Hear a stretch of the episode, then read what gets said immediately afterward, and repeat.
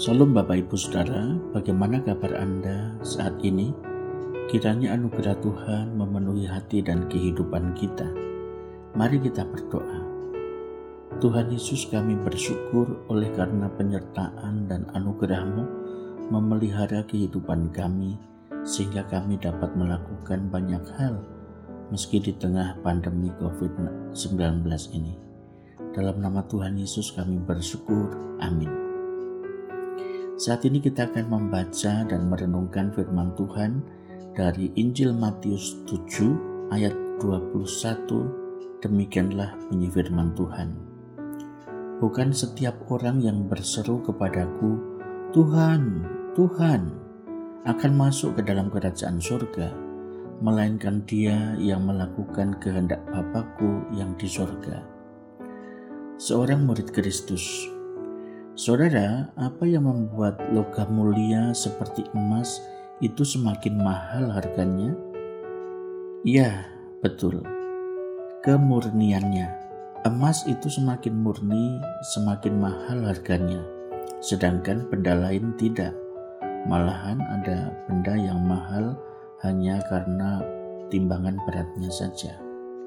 Nah, demikian juga dengan kehidupan orang Kristen ia semakin mengenal Tuhan, maka semakin akan terjaga kemurnian hatinya, semakin hidup mencari kehendak Tuhannya, dan bukan justru menjadi Tuhan atas hidupnya. Semakin hari, kehidupan seorang Kristen akan semakin menjadi seorang murid. Ia akan semakin belajar terus-menerus mencari perkenanan Tuhan ia akan menjaga supaya hatinya condong kepada firman Allah untuk selalu belajar dan melakukan firman itu dalam kehidupan sehari-hari. Menjadi orang Kristen itu berarti menjadi murid Kristus.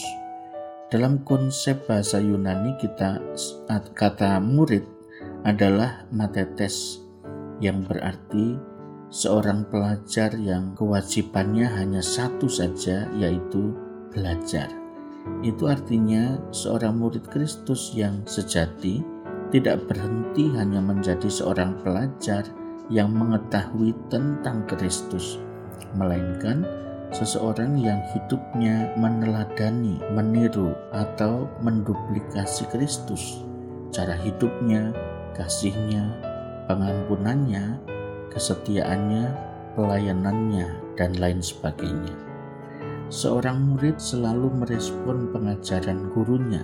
Ketika Tuhan memanggil seseorang untuk mengikut Dia, itu berarti bukan hanya berjalan di belakangnya, melainkan sikap hidup yang berpaling kepada Yesus, yaitu sebuah pertobatan yang sungguh meninggalkan kehidupan lama, meninggalkan dosa, berbalik untuk mengikuti Yesus dalam kehidupan baru.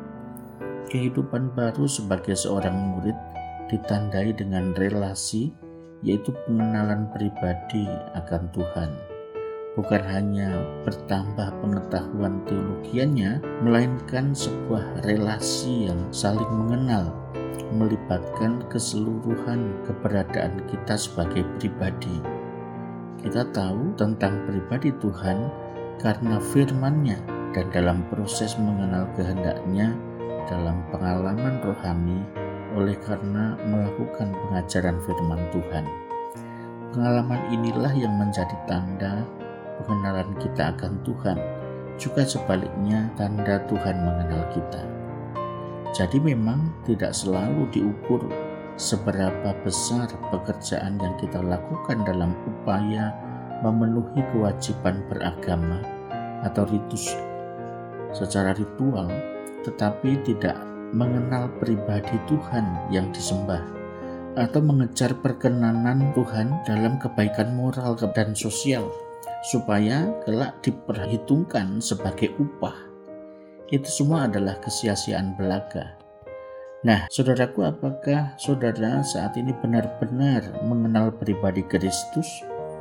Hal itu sangat menentukan ketika kita di hadapan tahta pengadilannya. Doa saya bagi kita sekalian, Tuhan Yesus kami ingin memperbaharui relasi kami dengan Tuhan.